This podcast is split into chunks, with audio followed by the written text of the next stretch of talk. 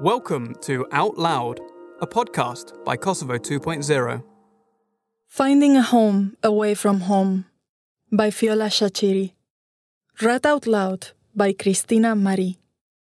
A Tale of Growth and Oaks.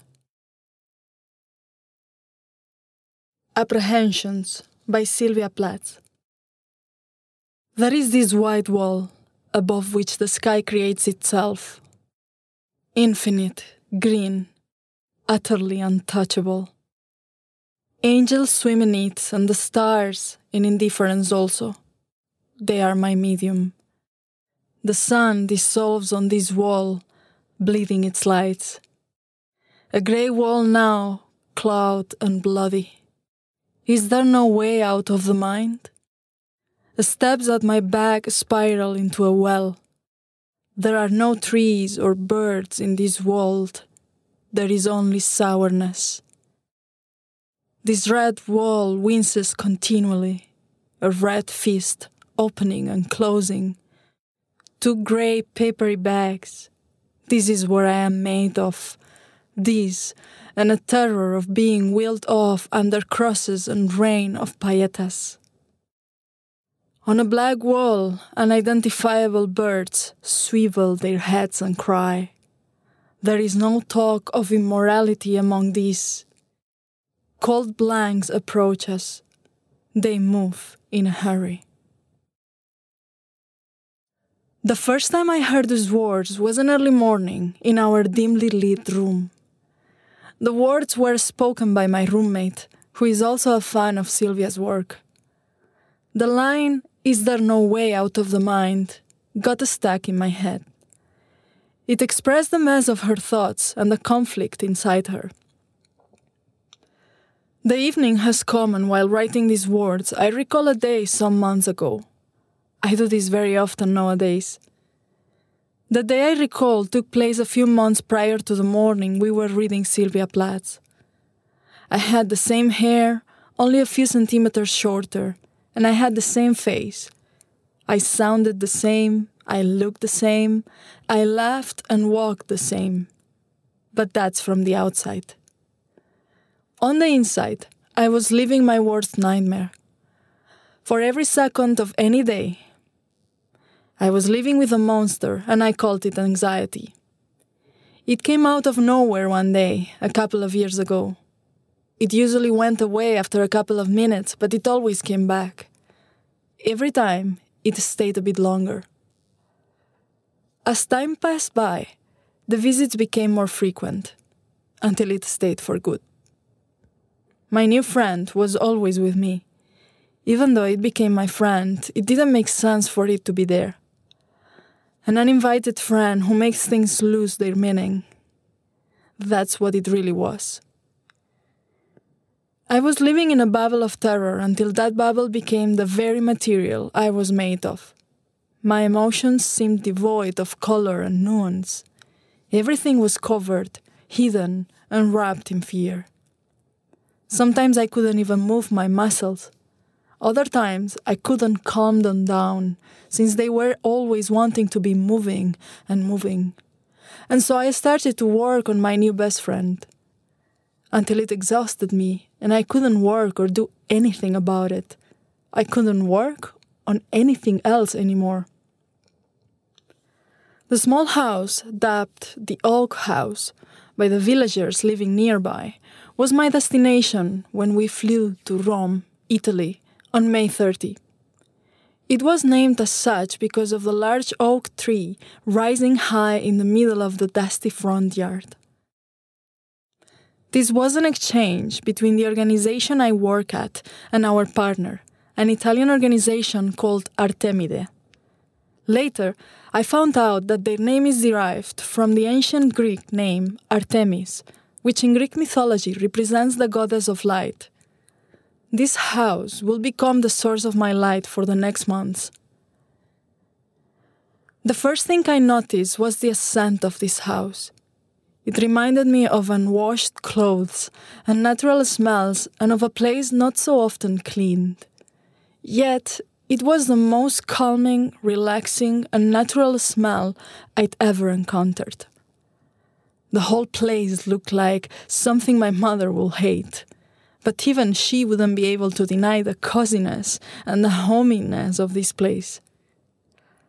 The smiling faces and the big eyes filled with love and acceptance of the people, even though I was seeing them for the very first time, wrecked all my preconceived notions of an accepting mindset.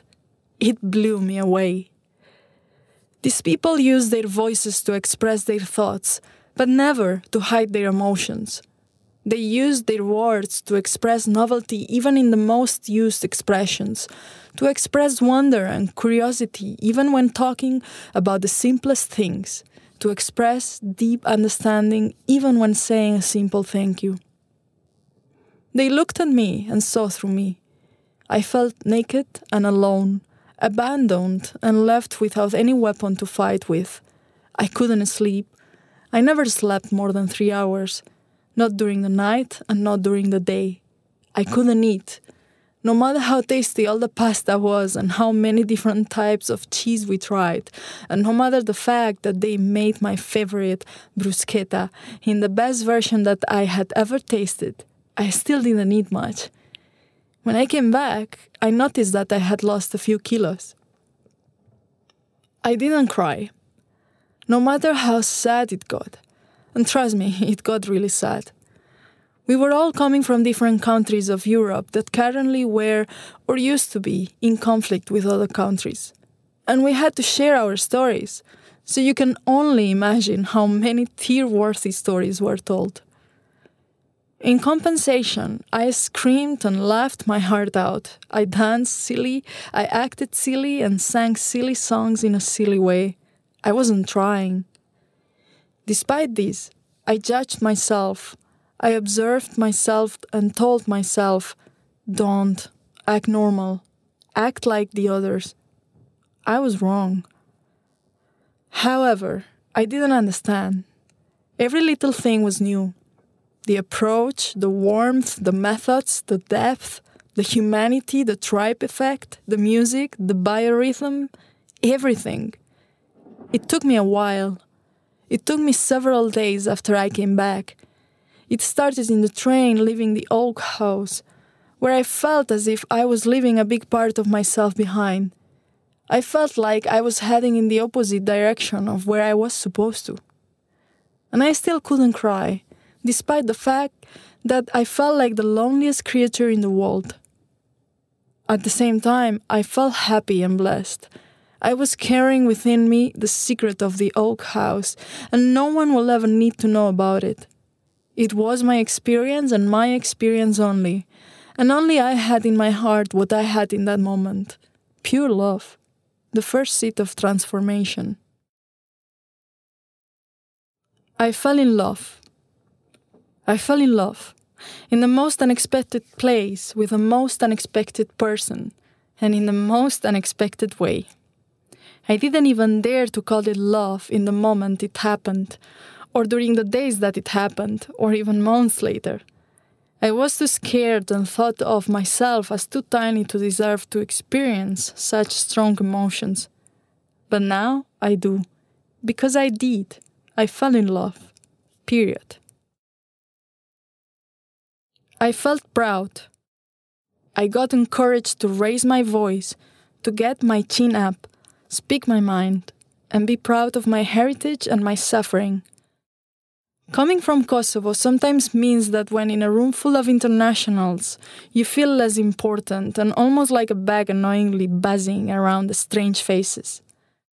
They all heard the stories about the war that happened in my country, and I have the feeling that people are tired of hearing about it, only because I've been hearing a lot about it.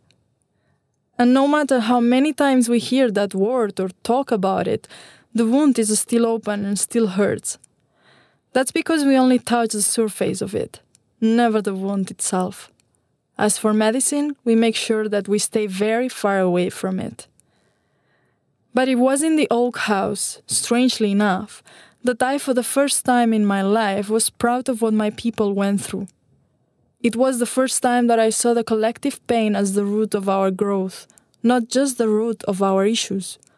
I felt accepted not only as the person I am, but also for the people I represent and for the culture that I bring with me.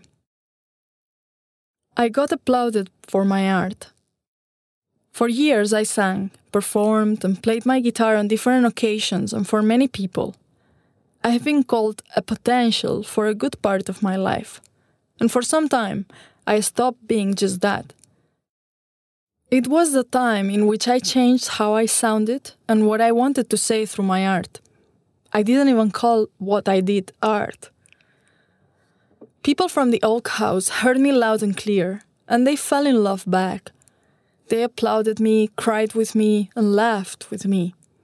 They saw me for who I was, and I got totally blinded by the reflection of their souls in the emotional state of listening to me. I never thought that people would like my music that much. For the first time, I didn't feel alone artistically. They legitimized pain. One of the perks of growing up in a post war country that once was a socialist Yugoslav country was that my parents didn't really talk about emotions, pain, or trauma. We got through the war, and with high hopes for better days, we tackled the future. Only we didn't see the trauma creeping up. The same trauma began centuries ago, but no one did anything about it. We didn't talk about it. We just swept it under the pretty rags we could find to decorate our houses and never encountered it. Even if we did, we talked with the other people, strangers rather than anyone dear to us. Now, you can only imagine how many parents and family members have no idea what their kids go through, or how many kids are unable to imagine what their parents are experiencing.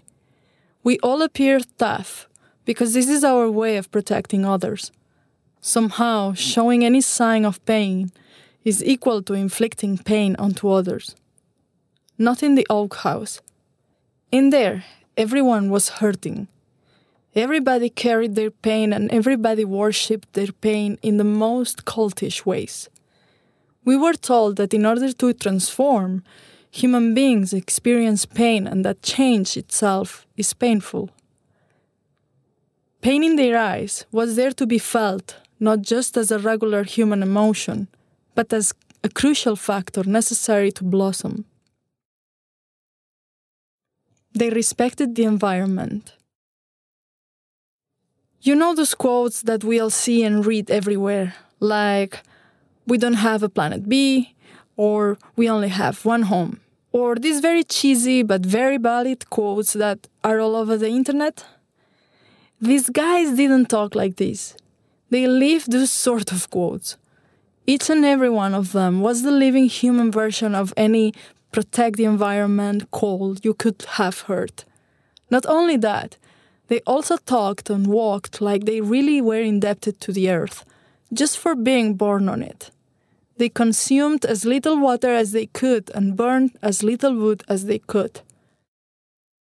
They even warmed their water by themselves. They grew their own vegetables. They cooked and ate only seasonal food.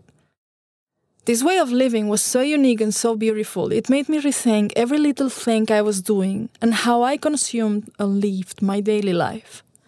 They even sang songs to the earth, which impressed me a lot. I couldn't stop listening to them. The lessons I got from those days I took with me and never let my water run down the sink while I was doing something else. I even started to reduce the number of showers I took. Apparently, human beings don't really need to shower that much anyway. They were all animal lovers. When I say that they loved animals, I mean that they had many friends who were animals. And when I say friends, I mean it in the real sense of the word. They were close friends with one another and shared everything with them. They respected them as equal creatures who both deserve attention and the goods of our planet. They took their time and gave the space to coexist not just with everyone, but with everything. Simply observing these relationships has taught me a lot. It surpassed all forms of commitment I have ever encountered. They leave their words, Another thing that blew my mind was the fact that they never seemed to lie, hide, or distort reality just because you were a participant, and they were the organizers responsible for the training. They were open and calm, especially in dealing with ad hoc situations. Most importantly, when they said that something was going to happen, that thing did indeed happen. When it didn't, we got an honest explanation later as to why that thing didn't happen. They didn't work, they lived. They didn't use informal methods, they lived informally. They didn't teach us theater, they lived in theater and for theater. They didn't demand respect, they gave respect to everyone and everything. We never talked about our shared values, and they didn't try to convince us that those values were the right ones. They just continued to live like they did before we got there. What's more important, they would certainly continue to live like that for a long time after we were gone. Whoever had it easier to adapt and adjust had the time of their life. But after some days, everybody adapted and adjusted and became part of the tribe, just like they said we would. They fought for others who couldn't. During our stay, we touched upon so many topics that are so under discussed in so many ways that it broke my heart even talking about them. They invested so much in creating a safe space for everyone that we just had to surrender and become part of the discussion. No thoughts were rejected. The only rule was you talk your mind and you don't pretend to be somebody else. Topics like racism, discrimination, hatred, aggression, conflict, power, gender roles, women's and LGBTIQ plus rights, and so many other things were discussed in the most open atmosphere I had ever been part of. I could only go back painfully to my hometown memories, where every time I tried to open up a similar conversation, I ended up in tears due to the anger that other people's words and opinions made me feel. The best thing about these was that they inspired us to become warriors and to fight for people who couldn't fight for themselves. They saw the world through a perspective of complicated layers and they understood the ugly politics that caused the ugly reality. Although this understanding was present, they didn't absolve themselves of their responsibility. On the contrary, they saw everyone and everything as part of the problem and the suffering. This holistic and multidimensional approach, combined with their action centered methods, was also a reason for which I love these people so much. They just seemed to get it right. They didn't fag with the inferiority or superiority bullshit. One of the smartest minds I have read about, psychoanalyst Carl Jung, called this the theory of power which theorizes that people have a need to place themselves into one of two major positions, such as powerful or powerless. This almighty power play is ingrained in the deepest part of our social construct. In our natural habitat, we tend to deal with these positions very often, and our self significance is wrongfully correlated with where we place ourselves. The negative aspect of this is that for these positions to exist, whether superiority or inferiority, we need other people to compare ourselves to.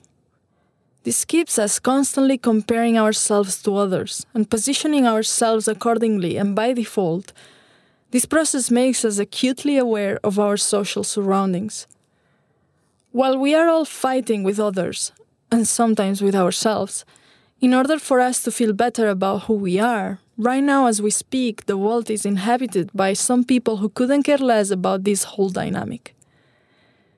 Not because they think of themselves as too good for the process, but because they don't even know how to compare anyone to anyone else. The people I met in this green paradise understood that each and every human being has their own empire in which they rule, and that they can be compared to no one. For someone who has been observing and punishing herself psychologically whenever she caught herself comparing herself to others, others to herself and others to others, I saw what happened and understood it immediately, because I had been searching for it within myself. Seeing that other people could actually achieve it taught me that I could too. After a while, seemingly, mindlessly, just as easily as one goes to sleep. I saw myself ruling my own empire, and I dreamed that someday I will be able to resist the temptation of placing myself onto the power scale. Why should I even conform? It won't kill me after all. Even better, it will free me. I got my heart broken. Remember when I said at the beginning that I fell in love? Well, that same wonderful person broke my heart. Months later, I found myself weeping as hard as I was smiling when I bloomed from within. The heartbreak didn't just bring me pain in a red package with tiny broken hearts drawn on it. It also brought memories, discovery, art, acceptance, and admiration for that same pain.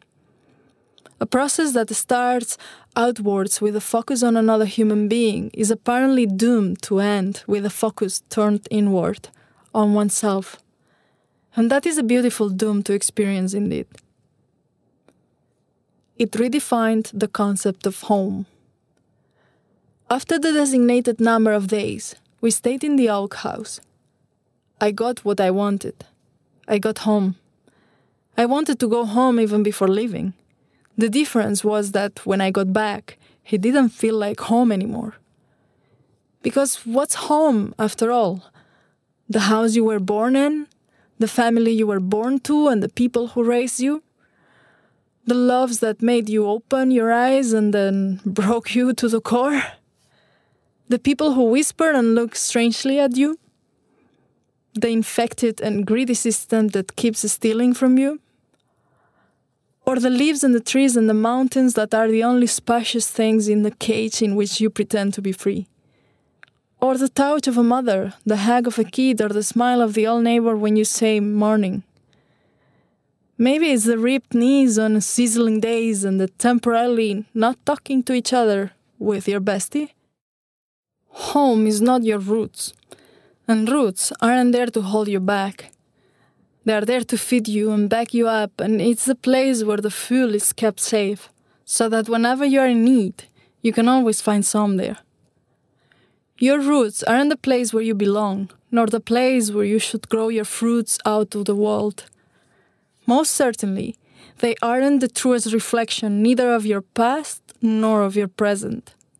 You are part of the world, and no matter where you come from, you belong only to yourself. Home is you, and whatever you decide to define you. I became a better friend.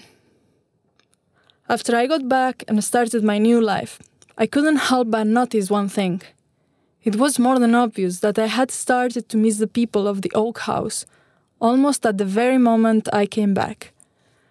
I kept thinking about them and told everybody I met and hang out with everything I could put into words about each and every individual that I met in that magical house. The energy that flowed out of my body while I was talking and describing the whole experience was so obvious and strong that people couldn't deny it. The same energy made me see them in a different light, too.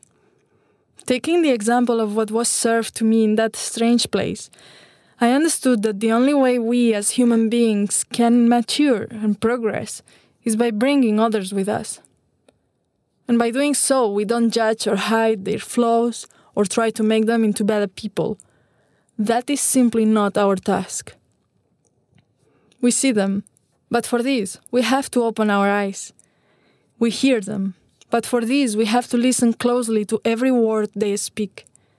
We feel them, but for this, we have to be able to recognize their pain as legitimate, not as an excuse for their inability or their failures.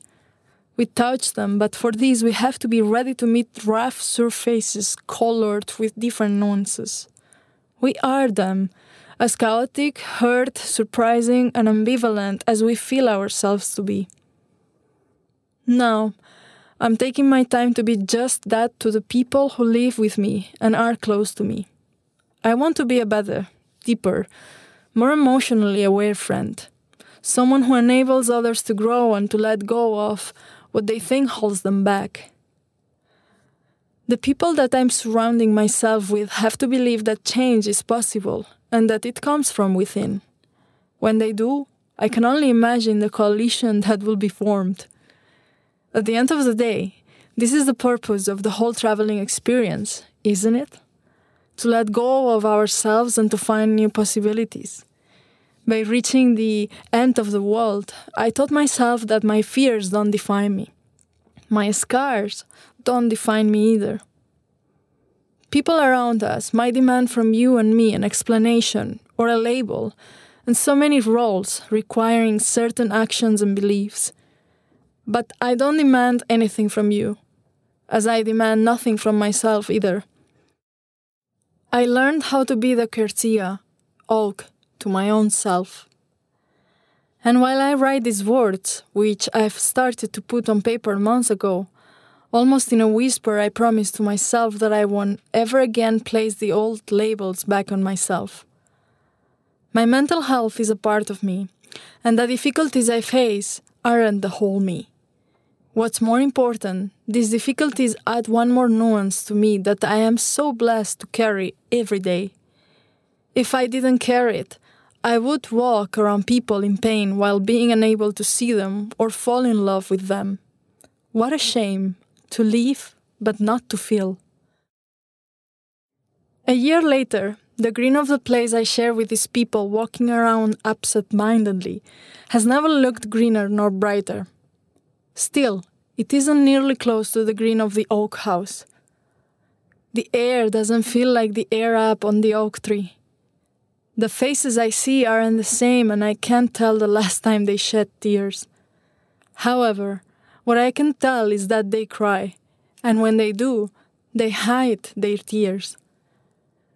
No one is as brave as to face their monsters and tell them to fuck off. They smell good and they look good, but they sound awful. Even though I have a lot in common with them, I am not absent minded. Yet, I am not as brave as I would like to be. I am still tiny, only a bit wiser. I am still scared, but not numb. I am still sad, but not crushed. I am alive, and the message I have been repeating to myself for months now is the same message that they shared with me. Everything we get in life makes us fascinating, strong, and desirable, just like you are. About the author. Viola is an educator, a writer, and a musician living in Pristina, Kosovo.